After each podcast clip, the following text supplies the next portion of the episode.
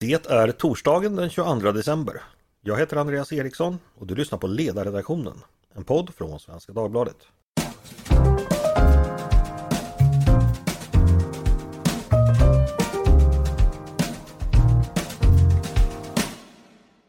Välkomna till oss så här två dagar före jul.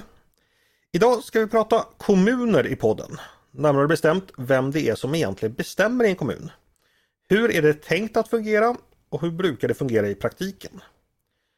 Det här kanske ni tycker låter dötrist men det är det faktiskt inte. Det är faktiskt alldeles, alldeles underbart. Eh, bakgrunden till att jag blev nyfiken på det här ämnet eh, det är några nyligen eh, inträffade händelser som ni säkert hört talas om. Eh, det första exemplet det är den beryktade sagostunden på ett bibliotek i Trelleborg där en ordförande i kommunens kulturnämnd, alla fall enligt nyhetsrapporteringen, först ställde in den här sagostunden och eh, senare kunde samma nämnd eh, rösta om frågan och istället ge grönt ljus för den. Eh, vi som trodde att bokningen av sagostund på bibliotek var en fråga för den lokala personalen fick alltså lära oss något nytt. Det kan alltså bli en fråga för kommunens politiker. Eh, och det andra exemplet känner ni säkert också till. Eh, det inträffade under Lucia i Region Gävleborg där det var regionfullmäktiges ordförande som då eh, valde att tacka nej till ett Lucia-tåg som han inte tyckte var tillräckligt traditionellt. Båda exemplen kan verka lite futtiga och lätt bisarra men jag tycker de är intressanta för de visar att kommunal makt kan utövas på sätt som i alla fall gjorde mig lite överraskad. Här finns alltså ett och annat att fundera på och med mig för att göra det har jag två gäster, nämligen Helena Linde som är förbundsjurist på SKR, eh, Sveriges kommuner och regioner. Välkommen hit Helena! Tackar, tackar! Och Patrik Kastberg som är kommunjurist i Region Skåne. Välkommen du också Patrik! Tack så mycket! Eh, jag ska innan vi börjar säga bara att vi ska inte grotta ner oss i just de här två fallen eftersom eh, dels är de ju förstås enskilda fall och dels vet vi inte allt om dem. Eh, istället är tanken att vi ska lära oss mer och försöka förstå principerna bakom, alltså vad som aktualiseras. Jag tänkte börja med dig Helena och du ska få göra någonting så, så anspråkslöst som att ge oss den korta versionen av, av hur det är tänkt att fungera i kommunal förvaltning. Hur mycket är det egentligen tänkt att politiker ska bestämma och när är det tänkt att tjänstemän ska ta över och sköta beslutandet? Kan du ge oss liksom den korta hisspitchen här ifall, ifall det är möjligt? Ja, hisskurs och hisskurs det är ju ett stort ämne du frågar om. Eh, men jag väl kanske ska börja med att säga att lokal demokrati det handlar ju om förtroende och förtroendevaldas ansvar. Och för att liksom hitta eh, lagregeln bakom hur det förtroendet brukas så har vi ju kommunernas konstitution, det är kommunallagen. Allt börjar och slutar där.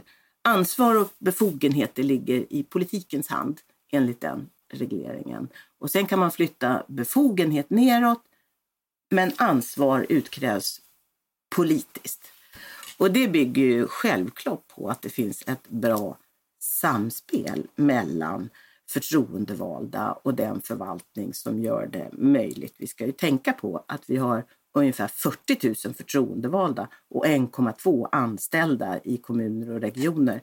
Så det är klart att det här måste bygga på att man hittar bra sätt att verka tillsammans. Sen brukar mm. jag säga att det är som kaptenen på en atlantångare. Han måste lita på att den sist anställde i maskinrummet gör sitt jobb och vice versa. Man måste liksom eh, jobba ihop. Och du menar 1,2 miljoner anställda va? För att de har ju fler än 1,2. Va? Du sa 1,2 bara nämligen. Ja, miljoner. Men du menar 1,2 miljoner? Ja. ja. Mm. Eh, ja men utmärkt. Då fick vi den första lilla introt där. Patrik, eh, vill du komplettera denna utomordentliga sammanfattning med någonting ytterligare? Nej, det låter alldeles utmärkt. Det, det, är ju precis som Helena säger att ansvaret ligger ytterst hos politikerna och eh, sen i praktiken så blir det ju också det där väldigt viktiga samspelet mellan alltså, ja, samspelet mellan tjänstemän som utförare och verkställare och politiker som de formella beslutsfattarna. Och det, är, det är ju där någonstans i gränssnittet som de intressanta frågorna kommer, de svåra frågorna kommer och ja, allting landar helt enkelt. Mm. För jag tänker ju på, eh, jag tänker på hur staten fungerar. Där finns det ju en ganska omfattande diskussion och jag förstår ganska tydliga regler som, som skiljer politik från förvaltning. Eh, vi har självständiga ämbetsverk, våra myndigheter är sådana. Vi har förbud mot ministerstyre och så vidare. Finns det motsvarande regler på, på kommunal nivå, Patrik? Ja, alltså det, det, finns ju, det finns ju åtminstone när det gäller myndighetsutövning så finns det ju hinder från att gå in att någon, varken fullmäktige eller någon annan kan gå in och bestämma över en nämnd hur de beslutar just i myndighetsutövning. Det är av regeringsformen grundlagsskyddat. Så där har du ju också så att säga samma princip, eller hur man ska uttrycka det, som ministerstyre. Men, men, i övrigt så är det ju det omvända kan man nästan säga i förhållande till hur det är i det, i det statliga. Ansvaret ligger hos de förtroendevalda och de får lov att besluta i alla frågor eh, och vill de så kan de släppa lite så att säga, makt och fördela och delegera ner den till tjänstemän. Men, men annars så, att säga, så ligger den kvar hos de förtroendevalda. Så att liksom, juridiskt och principiellt så ligger all, all makt ligger hos de förtroendevalda. Mycket mer än så är det inte att säga om det. Sen så finns det naturligtvis en tradition i kommuner, precis som det finns i stat, med att hålla armslängds avstånd i vissa frågor, framförallt liksom, kulturfrågor kan man väl säga. Men det är ju inget som är i lag reglerat. Getting engaged is a moment worth cherishing. A one-of-a-kind ring that you design at Blue Nile can help your love sparkle. Just choose your diamond and setting. When you found the one, you'll get it delivered right to your door. Finding the right engagement ring can be nerve wracking. At Blue Nile, you'll have the expert guidance needed and a diamond guarantee that ensures you're getting the highest quality at the best price. Cherish all of life's moments and save up to 30% at BlueNile.com. That's BlueNile.com. Okej, okay, eh, Helena, är det så att folksuveränitetstanken är, kan man säga att den är starkare när det gäller kommuner än, än vad den är på statlig nivå? Att vi, vi är bättre på uppdelning eh, på statlig nivå än på kommuner, eller går det att uttrycka sig så? Nej, så skulle jag inte säga. Jag skulle däremot vilja trycka på att styrningslogiken i statsförvaltningen skiljer sig från styrningslogiken i kommuner och regioner. Att, eh, så, det är ju för att, så att säga, den regleringen av hur den kommunala nivån ska fungera är gjord för att kunna fungera i vitt skilda miljöer. Det är alltså storleksmässigt, politiskt, demografiskt. Det finns en hur lång lista som helst för hur, uh, hur olika vi är, men vi har ändå samma uppdrag. Och den formella regleringen är anpassad till det. Så vi har inte mycket nytta av att snegla på staten. Därför att det är just den här närheten till uppgiften där man har ett samspel med det demokratiskt utkrävbara ansvaret för hur man sköter sin förvaltning och prioriteringen väldigt nära den uppgift man har ansvar för att sköta. Så demokratisk kontroll som fungerar i en kommun eller en region, det är avgörande för att vi ska klara vår uppgift. Och det kan man ju se när kommuner och regioner ställs inför, väl, eller när landet ställs inför väldigt stora utmaningar att i en kommun då, då hanterar man en flyktingkris eller man hanterar eh, något oväntat därför att man har så nära till sin demokratiska nivå. Staten däremot tar väldigt lång tid på sig att få ut sina instruktioner längst ut i piporna i den statliga organisationen. Och så ska det nog fungera i staten. Men vi är olika och det är en viktig sak. Mm. Eh, vi, vi sa inledningsvis att vi inte skulle grotta ner oss i de enskilda fallen, men jag tänkte ändå eh, om vi utgår från dem, alltså en så liten sak som att vem som ska arrangera en, eller hur en sagostund ska arrangeras på ett bibliotek, det tänker man ju då, det sköter bibliotekarien. Eh, men, men uppenbarligen så var det så i, Trelle, i Trelleborg att eh, där, där, där kunde tydligen en kulturnämndsordförande helt enkelt eh, säga till sin förvaltningschef att så här ska det inte vara och då ändrades det beslutet. Patrik, är det liksom är det så det är? Jag förstår att det är ovanligt att det fungerar så, men är det direkt konstigt att det blir så? Eller, eller får, en, får en nämndordförande göra så? Uh, ja, man kan ju tycka mycket om ett sånt agerande. Men om, om man ska försöka se det, om vi börjar lite grann legalt, så, så teoretiskt sett i vart fall, så skulle ju eh, en nämnd, och då pratar vi nämnden, besluta om vilka arrangemang som ska genomföras på ett bibliotek. Och det är ju egentligen, om man flyttar på det hållet så att säga, att ja, själva vilka arrangemang som ska på bibliotek kan en nämnd besluta. Det innebär inte att nämndsordförande i sig kan göra någonting. Men, men nämnden som sådan kan göra det. Sen är ju nästa fråga då hur det eh, fungerar i praktiken. Och det är klart att om en nämndsordförande som i någon mening är biblioteksförvaltningens chef, eller åtminstone sitter och representerar chefs och arbetsgivaren. Så det är klart att den dialogen kan ju bli lite grann kan ju lätt hamna i, liksom i, ett, eh, i en dialog som innebär att ja, men antingen lyssnar du på mig eller så ser man så efter ett annat jobb. Det, det, är ju liksom, det, det är den, det, den det kan bli om man tänker sig en avart. I den bästa av världar så är det ju en fungerande dialog med vilken typ av arrangemang ska vi ha på bibliotek? Vilken verksamhet ska vi bedriva? Och det är ju så det fungerar i de allra, allra flesta fall där det finns en fungerande dialog. Vi tycker det är rimligt att vi satsar mycket på barn och ungdomsverksamhet eller på äldre eller på eh, eh, nyanlända eller vad det nu skulle kunna vara. Och att man då i dialogvägen hittar en, en bra väg. Det är liksom det ett sätt. Sen just kultursektorn, där brukar man väl hålla sig lite, lite, lite mer armslängds avstånd. Men det är väl ungefär där man landar. Mm. Så juridiskt sett så har ju inte Nord, eh, alltså nämndsordföranden någon möjlighet att gå in och säga stopp för den här typen av arrangemang. Inte alltså, utan eh, utan det är ju inte juridiskt, utan, men, men, men rent i praktiken så förstår jag absolut att det, det kan uppfattas på det sättet. Ja. Eh, vad är det som hindrar en nämndordförande? Finns det någon speciell, speciell lag som... Ja, kanske. Man kan säga så här att det är den nämnd som ansvarar för biblioteken som ansvarar för verksamheten som drivs och att den drivs enligt bibliotekslagen. Sen kan mm. man ju liksom komma in på nämndordförandens relation till sin nämnd. Eh, och, och, och, och, det är ju också en samspelsfråga så att säga. Han, en nämndordförande måste ju ha nämnden bakom ryggen när han liksom sköter det löpande samtalet. Och det, mm, det. Förstå, det, det, det, har ju han eh, också, eller hon kanske, eh, skaffat sig det förtroendet från sin nämnd. Mm. Eh, jag känner att vi nästan måste gå ett steg tillbaka här så att både jag och lyssnarna förstår. Det vi väljer, där vi väljer eh, våra politiker i en kommun, det är ju till kommunfullmäktige, inte sant? Eh, ja, ni, ni, ni skrattar men det, det, det, är liksom, det, det är så enkelt. Kommunstyrelsen väljs sen av kommunfullmäktige, är det så det fungerar? Ja. ja. Eh, nämnderna då, vad, vilken roll spelar de? Sorterar de under, under kommunstyrelsen? Helena? Eh, ja, jag brukar eh, säga så här att eh, kommunstyrelsen är en jämlike bland nämnder kommunalrättsligt sett. Sen har man lagt ett lite starkare ansvar på kommunstyrelsen i uppsiktsplikten och rollen som beredande och verkställande organ inför fullmäktige.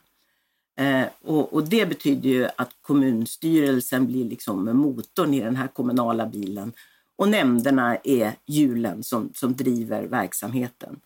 Så att eh, teoretiskt sett är de jämnbördiga och i praktiken får kommunstyrelsen en lite starkare ställning. Okej, okay, så att nämnderna är så att säga ändå eh, jämbördiga med kommunstyrelsen. Det, det, finns inte en sån.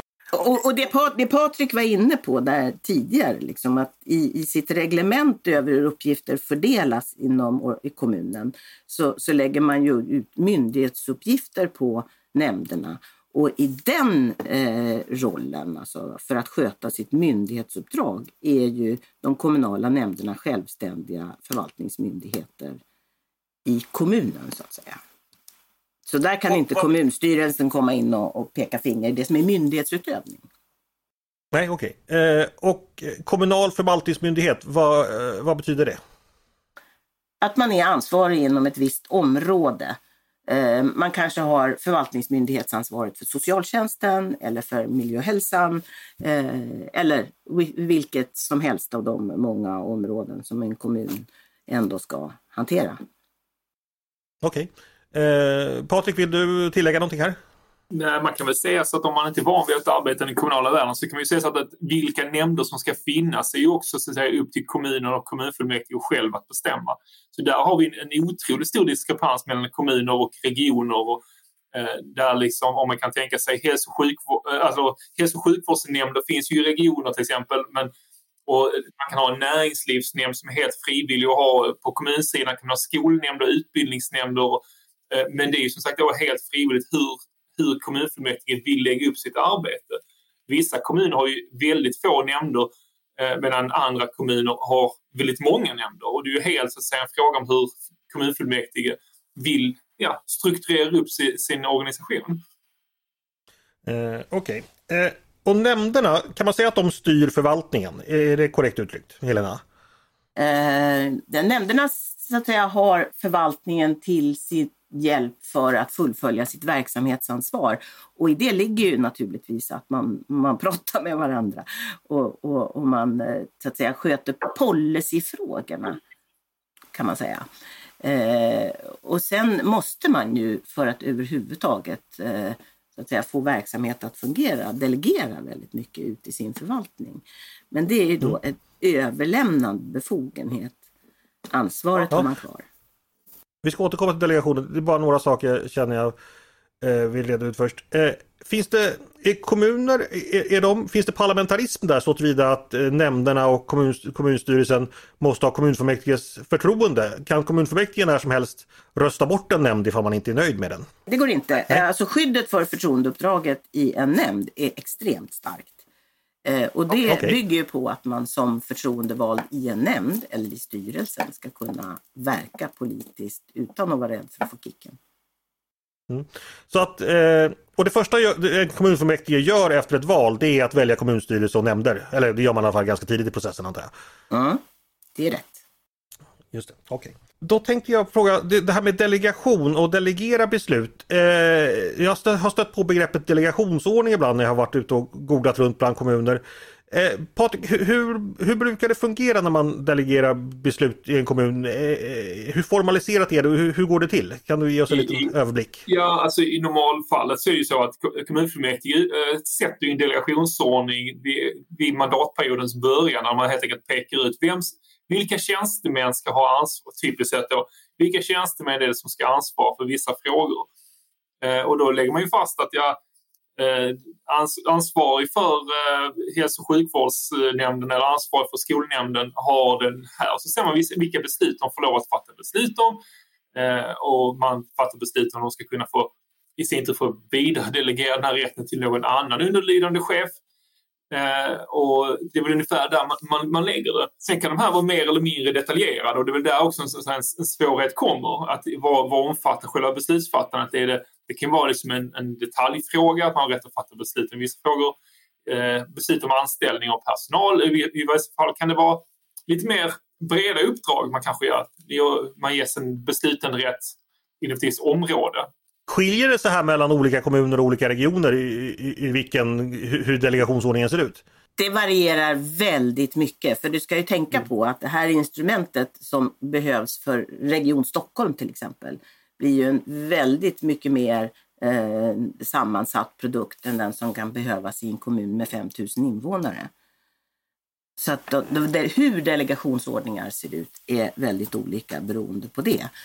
Sen kan man säga en annan sak om det här med att flytta ut befogenheten att fatta beslut. Att man kan så att säga, lämna till anställda att fatta beslut i alla de här ärendetyperna som man har ansvar för att det fattas beslut i.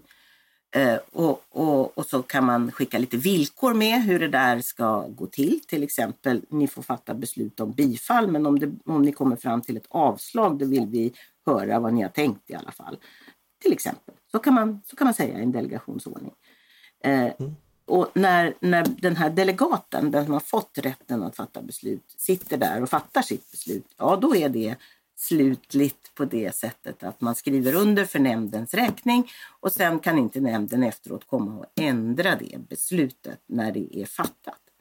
Däremot så kan ju nämnden säga ja men den där delegationen gillar vi inte för att man eh, går alldeles för långt, vi tappar kontroll över kostnaderna, vi tar tillbaka delegationen och då kommer de besluten och Eh, då, då, då, kommer de besluten tillbaka till nämnden så att säga. Och så får nämnden fatta besluten i de avseendena.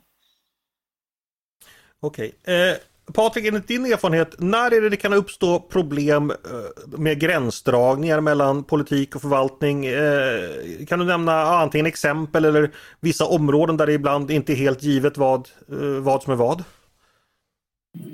Man kan väl säga så att det, det, det, alltså det är inget problem utan det är ju ett samspel som är alltid är närvarande i någon mening. Det är ju om man ska, alltså om man ska backa bandet lite grann igen så är allt beslutsfattande utgår från politiken. Beslutsfattande är allt som kräver självständigt tänkande, vill säga. Det vill säga väldigt, väldigt mycket är beslut om man kollar i lagens mening. Ska vi skriva under ett avtal? Ska vi anställa en viss person? Eh, krasst sett, vilken mat ska vi servera på våra äldreboende? Allting är ett politiskt, eller är ett beslut teoretiskt vart fall ska tillbaka till politiken. Och där krävs ju för tjänstemän att hela tiden ha en dialog uppåt med sin, sin nämnd och med politiken och diskutera det här, nu ska vi fatta beslut om att eh, införa vegetarisk kost på våra äldreboende. Är det här en fråga som man vill lyfta upp till nämnden eller kan jag ta det på en delegation?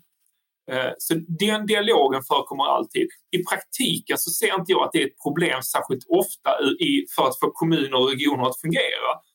Eh, det som möjligen kan vara ett problem det är den här typen av frågor beslut som fattas som ligger utanför, som nämnden tar inte besluten utan tjänstemän fattar dem men de har inte delegation för att ta besluten. Problemet där då, om vi ska liksom försöka vara lite pedagogiska det är bara beslut som tas av nämnd, fullmäktige eller beslut som tas på delegation som man kan klaga på i domstol.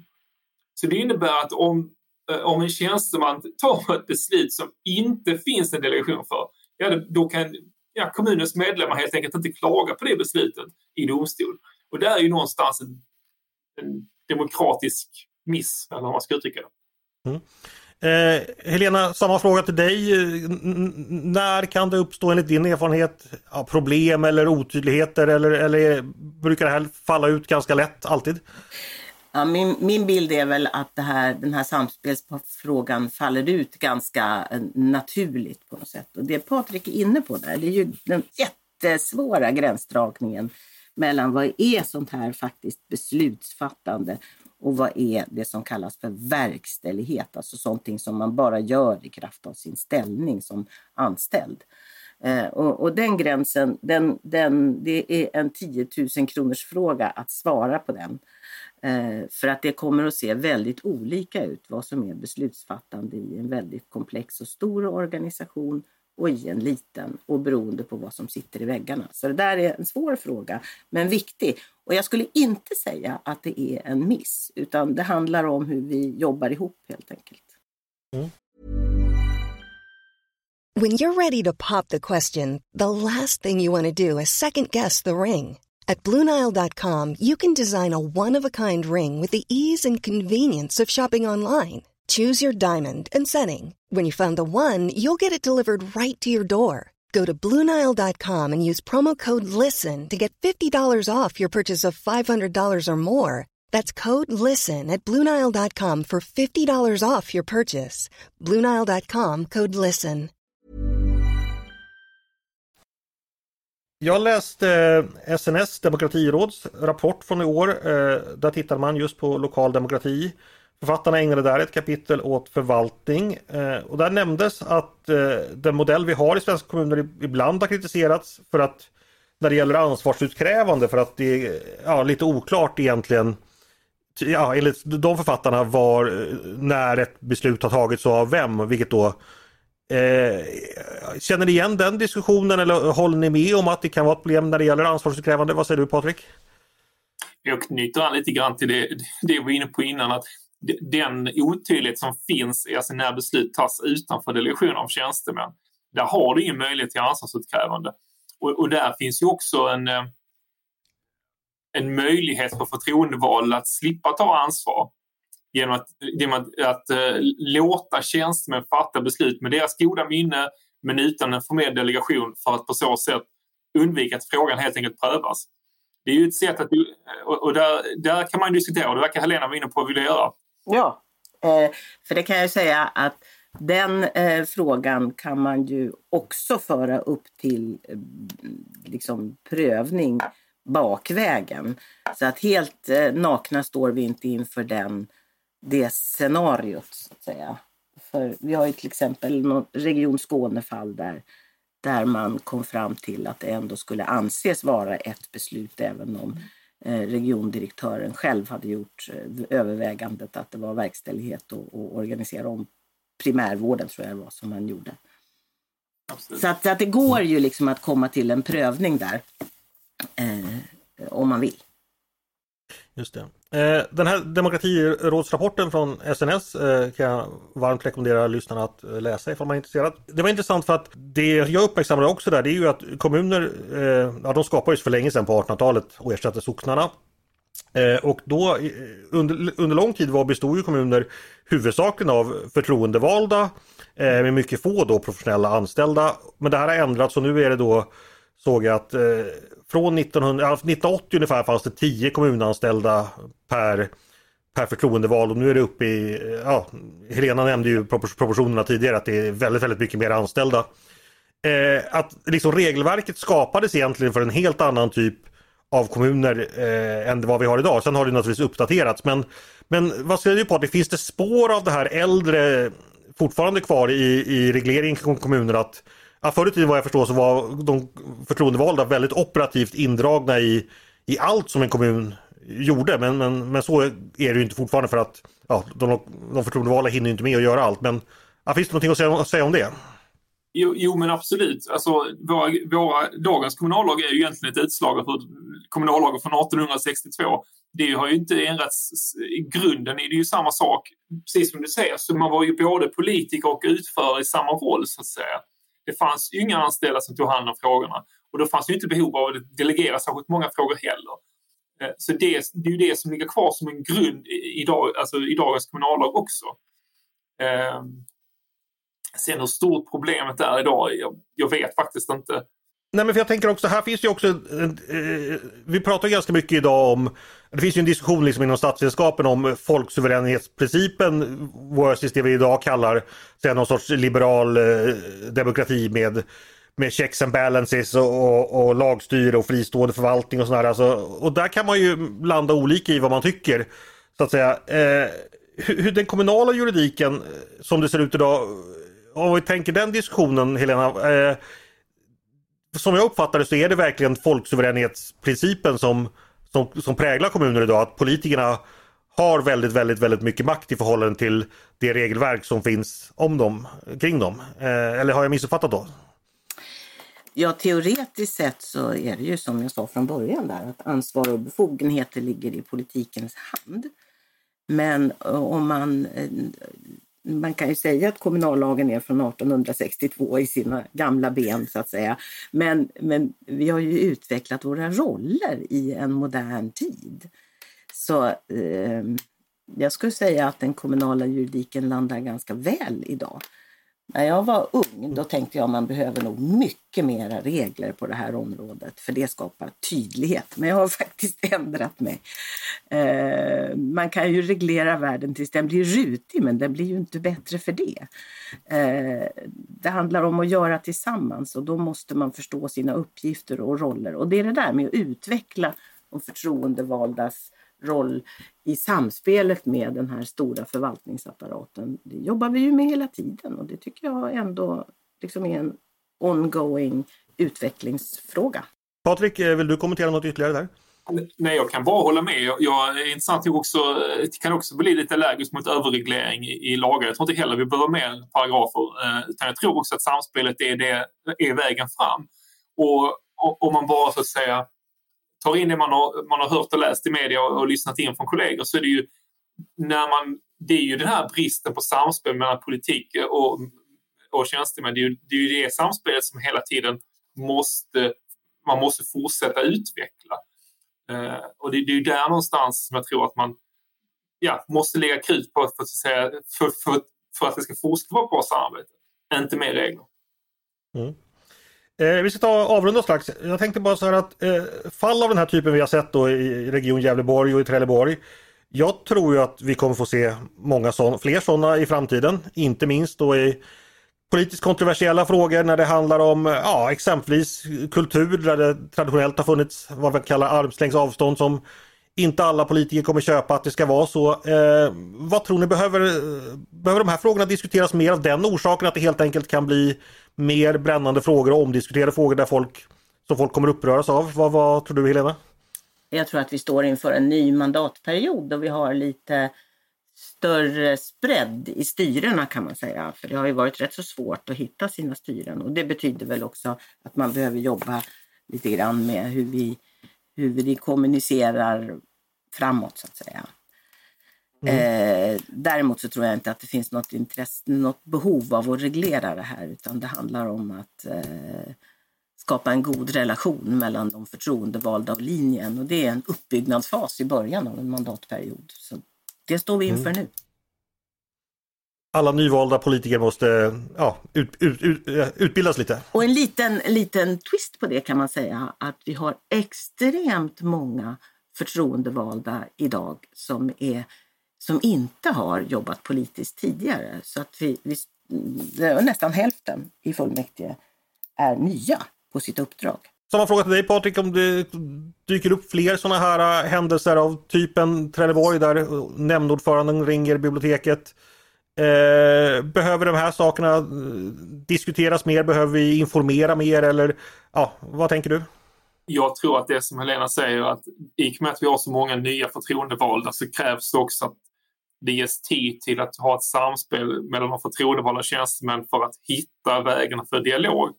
Eh, och ytterst så är det ju så att eh, om en majoritet i fullmäktige eller vid nämnderna inte tycker, alltså, inte tycker att man behöver ha armslängds avstånd, nej, då har ju våra förtroendevalda tyckt till i den här frågan.